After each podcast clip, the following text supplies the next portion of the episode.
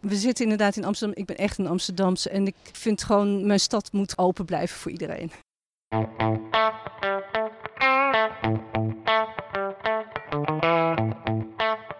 Ik ben Mechtel Jansen en ik hou ontzettend van literatuur en van Amsterdam. In deze podcast neem ik je mee naar bijzondere plekken uit de boeken en levens van Nederlandse schrijvers. In deze serie ben ik in Amsterdam West. Ga je mee?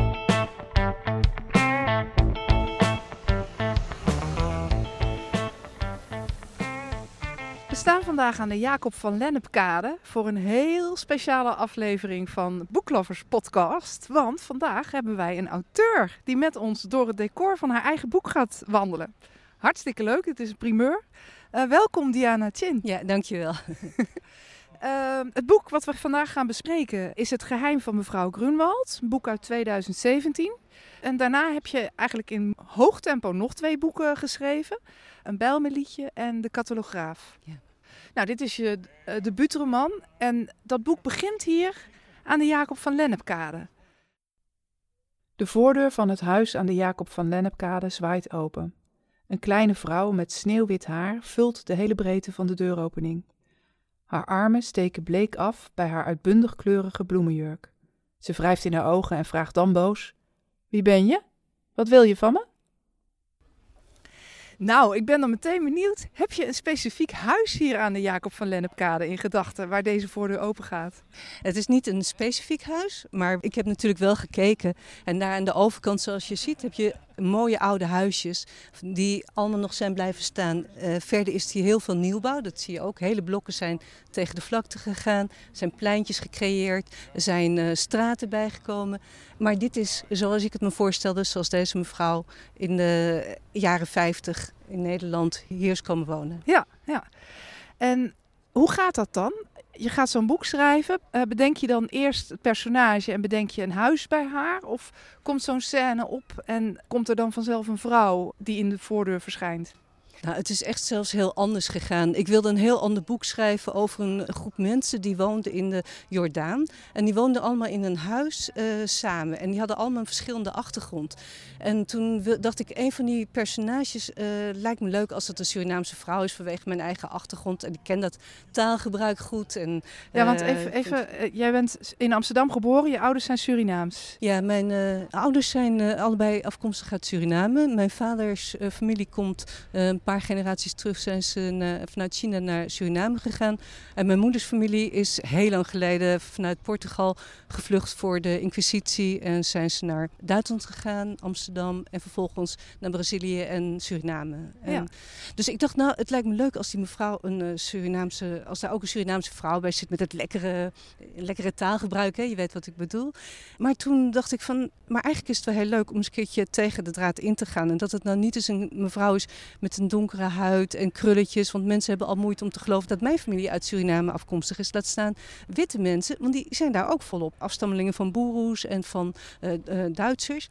En toen dacht ik opeens, oh ja, de familie van mijn zwager. Zijn familie heeft in dat kamp gezeten. En toen ben ik dan gaan denken. En toen dacht ik, dan woont ze niet in een groep. Toen dacht ik, ja, maar waar woont die mevrouw? Denk ik, nou, ze woont lekker dicht bij mij in de buurt. ja. ja. ja, want uh, het verhaal van mevrouw Groenwald is het verhaal van de, de mensen met een Duitse nationaliteit die in Suriname wonen, maar die nationaliteit behouden. Vaak uit ja, sentimentele uh, motieven. Um, en in het begin van de Tweede Wereldoorlog zijn die mensen geïnterneerd in uh, ja, eigenlijk een soort concentratiekampen, interneringskampen. Dat was iets waar ik eigenlijk niks van wist. Ja. Um, ik zie in je boek ook dat je daar heel veel onderzoek naar hebt gedaan. Hè? Er is een uitgebreide bronnenlijst uh, opgenomen. Waarom vond je dat belangrijk om dat verhaal te vertellen? Nou, het is, het, het is heel opvallend. Ik, uh, jij bent lang niet de enige die er niets van weet. Er zijn ook heel veel Surinamers die er gewoon niets van weten. En um, de familie van mijn zwager heeft daar eigenlijk ook weinig over verteld. Gelukkig wel wat dingen, zodat ik ook wel wat authentieke details eraan kon toevoegen. Zijn familie staat ook op de lijst van mensen die pas in 47 zijn vrijgelaten. Dus die mensen hebben vanaf uh, 9 mei, want in Suriname was het eerder, uh, 10 mei was de Duitse inval in Nederland. Maar voor de zekerheid hebben ze op 9 mei Surinaamse tijd hebben ze al de Duitsers, uh, tenminste mensen van een Duitse afkomst, niet eens altijd, die hadden, sommigen hadden zelfs al de Nederlandse nationaliteit. Die hebben ze geïnterneerd. Ja. En ik vind het uh, heel erg uh, vervelend uh, om als mensen zeggen: ja, wat mooi dat je een stuk Surinaamse geschiedenis aan de vergetelheid hebt weten te ontrukken. Maar het is, het is gewoon Nederlands geschiedenis. Het was het enige stuk Nederlands rijksgebied wat vrij was tijdens de Tweede Wereldoorlog. Het was heel welvarend geworden, omdat de Amerikanen die stationeerden daar heel veel troepen en die hadden de bauxiet nodig. Ze legden asfaltwegen aan, er kwamen luxe winkels om hun te gerieven, mode ging vooruit. Maar ook politieke onrust. Maar ik vind het gewoon raar. Um, Suriname is tot en met 75 een Nederlandse kolonie geweest. Het is gewoon een gemeenschappelijke geschiedenis. Ja. En, ja. Uh, en daar moeten mensen ook aan dat er echt een paar, ook op de Antillen, dat er een paar interneringskampen onder Nederlands bewind op Nederlands grondgebied zijn geweest. En dat is een heel moeilijke kwestie. Ja, ja. je, zou dat, je zou daar toch op school misschien iets over moeten leren. Het was voor mij helemaal nieuw. Ja, zelfs met uh, het pijnlijke gegeven dat er Joodse mensen uit Nederland gevlucht waren naar Suriname, dachten daar veilig te zijn en werden daar vervolgens, omdat ze toch Duitse wortels hadden, ja. in een kamp gezet. Dat is uh, ongelooflijk. Ja. ja. Ja, mensen denken vaak dat mensen geld willen zien. Maar het gaat alleen om dat het erkend wordt dat ze überhaupt zeven jaar onschuldig in een kamp hebben gezeten. En dat gold niet alleen voor de familie van mijn zwager. Er zaten natuurlijk ook echt mensen met uh, NSB-sympathieën of uh, echte nazi's. Maar er zaten ook een hele grote groep mensen die er gewoon helemaal niks te zoeken hadden.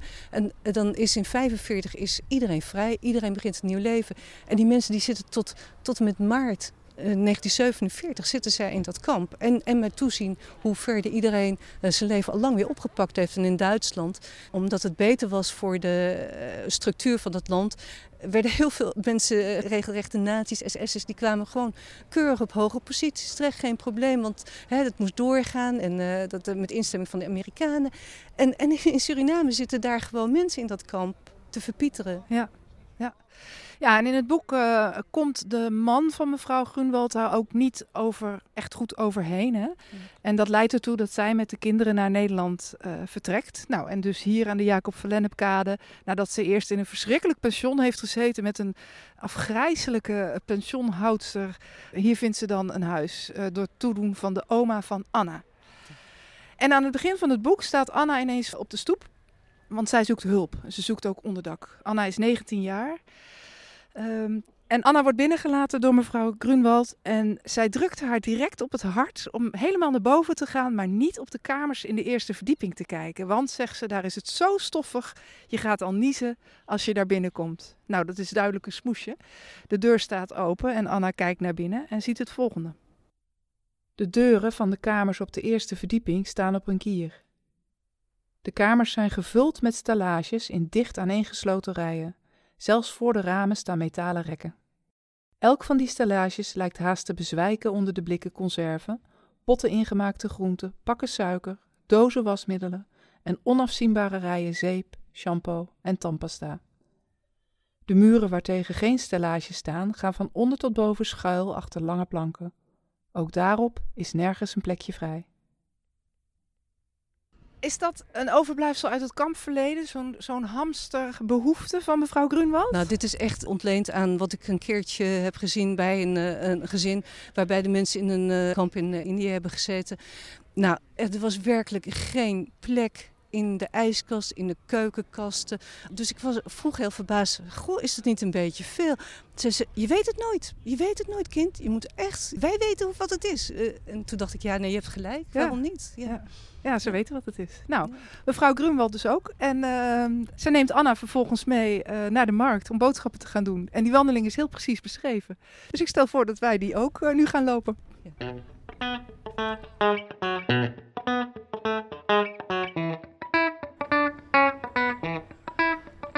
We zijn nu een klein stukje verder gelopen. Diana, waar zijn we? Ja, we staan nu op de hoek van de Borgenstraat en de Nicolaas Beetstraat. En vanuit hier kun je dan precies, uh, zoals uh, mevrouw Grunwald aan Anne laat zien, de hoek zien waar eerst bakkerij Ingming zat en daarnaast zat de slagerij van Hans Res. Ja.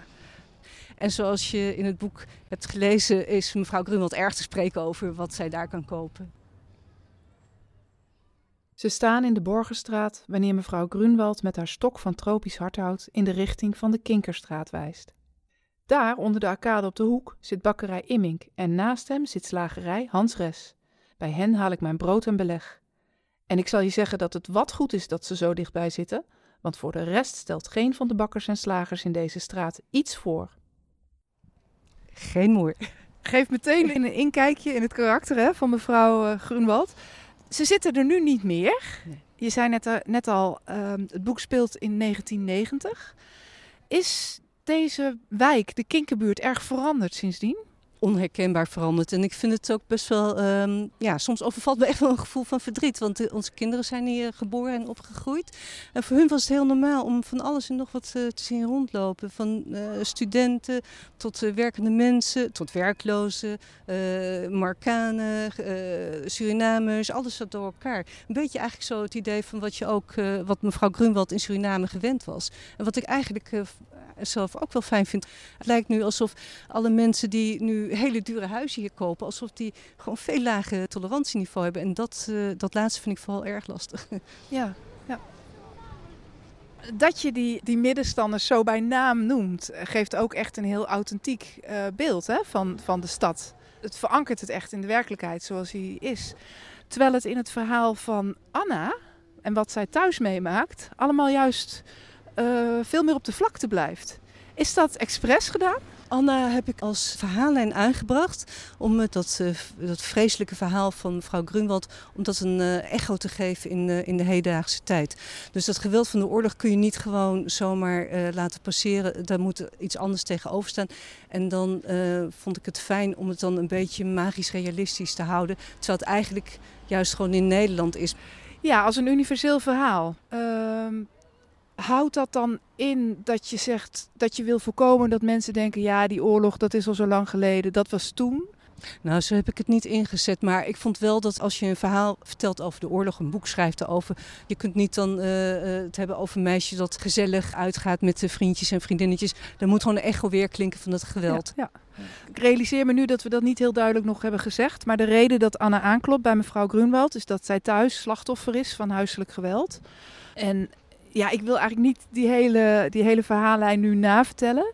Maar zij zoekt daarvoor een heenkomen. En oma, die mevrouw Grunwald dus nog kent van vroeger, heeft een, een bepaalde reden om haar daar naartoe te sturen. Maar dat moet je zelf maar lezen in het boek, dat ga ik niet verklappen.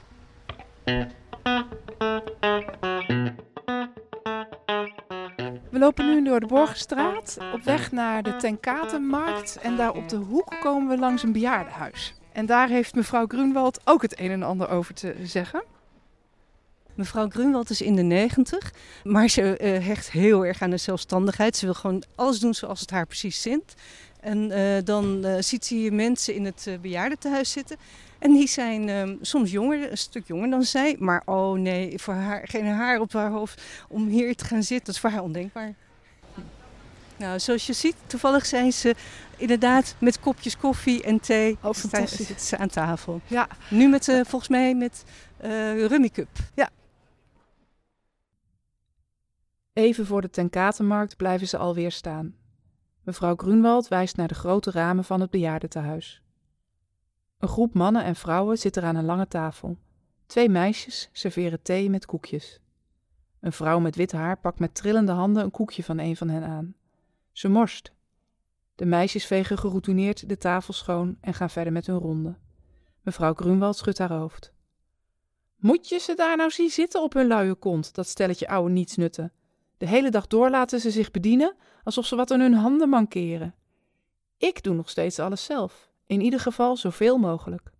En dat is maar goed ook, anders word ik net als zij daar, helemaal afhankelijk van anderen. Als je echt zo verknocht bent aan je vrijheid als wij, kun je beter zelf in je graf gaan liggen dan dat ze je opsluiten in een piepklein kamertje om daar te creperen.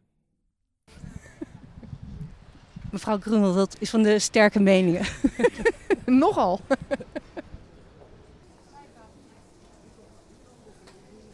We lopen nu eh, de markt op, de Tenkatenmarkt. Die uh, strekt zich links en rechts uit van de Kinkerstraat. En door de Kinkerstraat rijdt een tram, dus die horen we misschien af en toe. Uh, we hebben hier een kaaskraam, een groentekraam, uh, vis. Dit is het eindpunt, hè, Diana? De bestemming van de wandeling van uh, mevrouw Grunwald en Anna. Ze gaan hier boodschappen doen. Ja, dit is boer Geert trouwens. Op de markt weten de kooplui precies wat mevrouw Grunwald wil hebben. Meer dan goedendag hoeft ze niet tegen hen te zeggen. Bij de kraam van boer Geert snijdt een van de twee blonde jongens een stuk kaas af en pakt dat voor haar in. Bij de kraam met noten en zuidvruchten vult het Marokkaanse meisje een zak tot aan de rand met gezouten cashewnoten. Zonder uitzondering komen de marktkooplui van achter hun kramen vandaan om mevrouw Grunwald de spullen te overhandigen en met haar af te rekenen. Nee, het is goed zo, mevrouw Grunwald. Die vijf cent krijgen we van de week wel.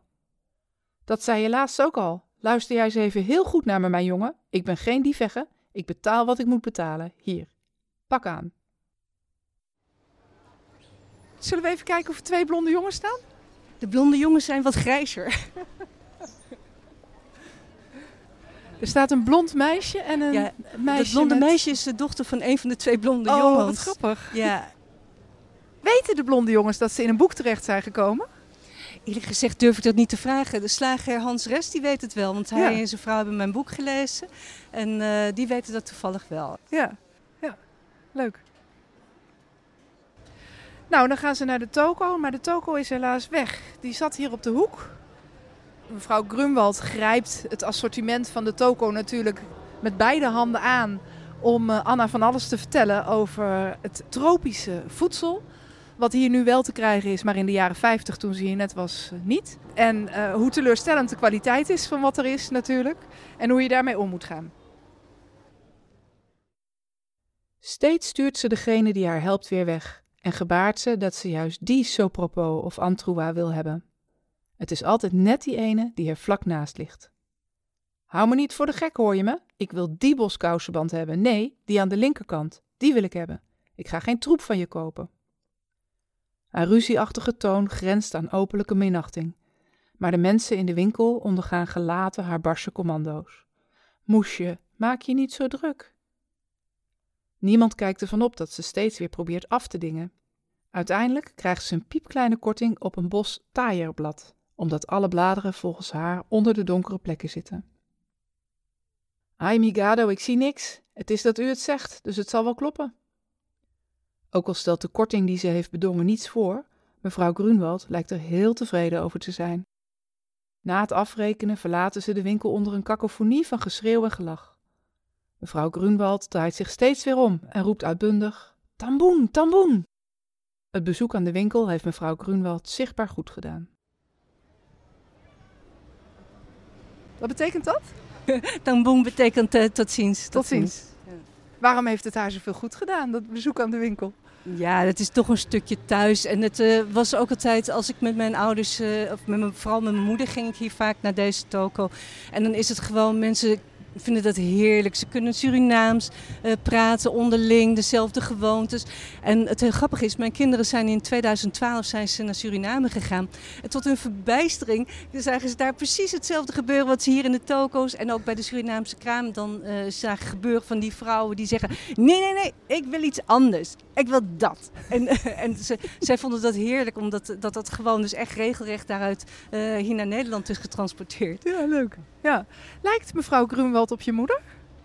Nee, nee, mevrouw Grunwald die, uh, is echt, uh, echt een uh, verzinsel. Maar taalgebruik heb ik wel ja, ja, volledig ja. op mijn oma gebaseerd. mijn oma was echt een, echt een dame. En ze was heel klein. Maar iedereen die sprong in de houding. Een echte Surinaamse oma waar, je, waar iedereen echt toch wel een beetje bang voor is. ja.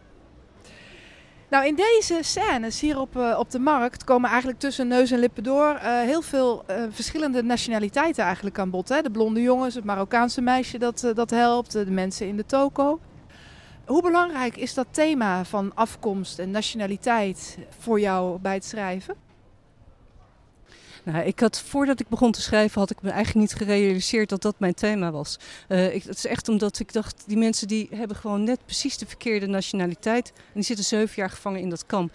En ik had me helemaal niet gerealiseerd dat het ook voor de buitenwereld uh, heel anders is dan voor mij. Want ik ben zo gewend om tussen allerlei culturen uh, te bewegen. Maar soms dan kom je onderweg obstakels tegen waarvan je helemaal niet wist dat die er zouden zijn.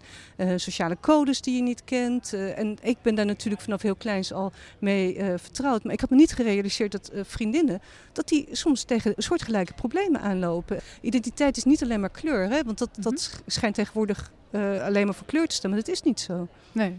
Vind je dat dat een onderwerp is dat op dit moment voldoende aan bod komt in de literatuur? Uh, nou, eigenlijk helemaal niet. Niet? Nee. nee. en ik, uh, ik vind het ook heel verdrietig. En ik hoop ook uh, dat door allerlei projecten... dat kinderen ook meer literatuur kunnen lezen die dichter bij hun staat. Want laten we wel wezen, er zijn natuurlijk heel weinig schrijvers van kleur. En dan zit je vaak ook nog in de zielige hoek. Hè? Een Bijlmerliedje heb ik geschreven met het idee... laat het nou eens een keer een Surinaams gezin zijn zoals ik er heel veel ken. Eigenlijk bijna alleen. Waar geen criminaliteit is. Waar mensen gewoon naar hun werk gaan en boodschapjes doen. Uh, die maken zich druk over hoe groot hun bruiloft wordt. Die zijn helemaal niet bezig met wapenhandel of iets dergelijks. En dan denk ik, laat kinderen dat soort boeken nou ook lezen. Want die, die kennen dat misschien ook. En dat vind ik heel verdrietig. Dat er eigenlijk maar heel klein segment is. En binnen dat kleine segment is het eigenlijk altijd alleen nog maar ellende. En, ja, uh, ja. Zit je al vast in een bepaald hokje? Ja, eigenlijk wel. Ja. Wat je zegt, vind ik op deze plek, hier in dit, dit hoekje van Amsterdam, waar alles door elkaar leeft. Weliswaar wordt het minder door het grote geld, maar het is niet verdwenen nog. Um, ik vind het dus ook een heel Amsterdams thema daardoor. Ja. Nou, dankjewel. We zitten inderdaad in Amsterdam. Ik ben echt een Amsterdamse en ik, ik vind gewoon, mijn stad moet gewoon open blijven voor iedereen. Heel mooi. Dankjewel Diana. Ik vond het heel erg leuk. Je luisterde naar Booklovers Podcast, een podcast over de stad, zijn schrijvers en hun boeken. De muziek was van Orbiters. Vind je deze podcast leuk en wil je meer horen? Abonneer je dan via je favoriete podcast-app en laat een review achter, zodat andere liefhebbers hem beter kunnen vinden. Vond je dit leuk en wil je het met eigen ogen zien? Wandel dan een keer met me mee. Kijk op www.boekloverstoers.nl voor het programma. Ik ben Mechtel Jansen en ik maak deze podcast samen met Helen Jochems en Marielle van Tilburg. In de volgende aflevering gaan we op zoek naar een kelder die Belcampo tot een vampierverhaal heeft geïnspireerd.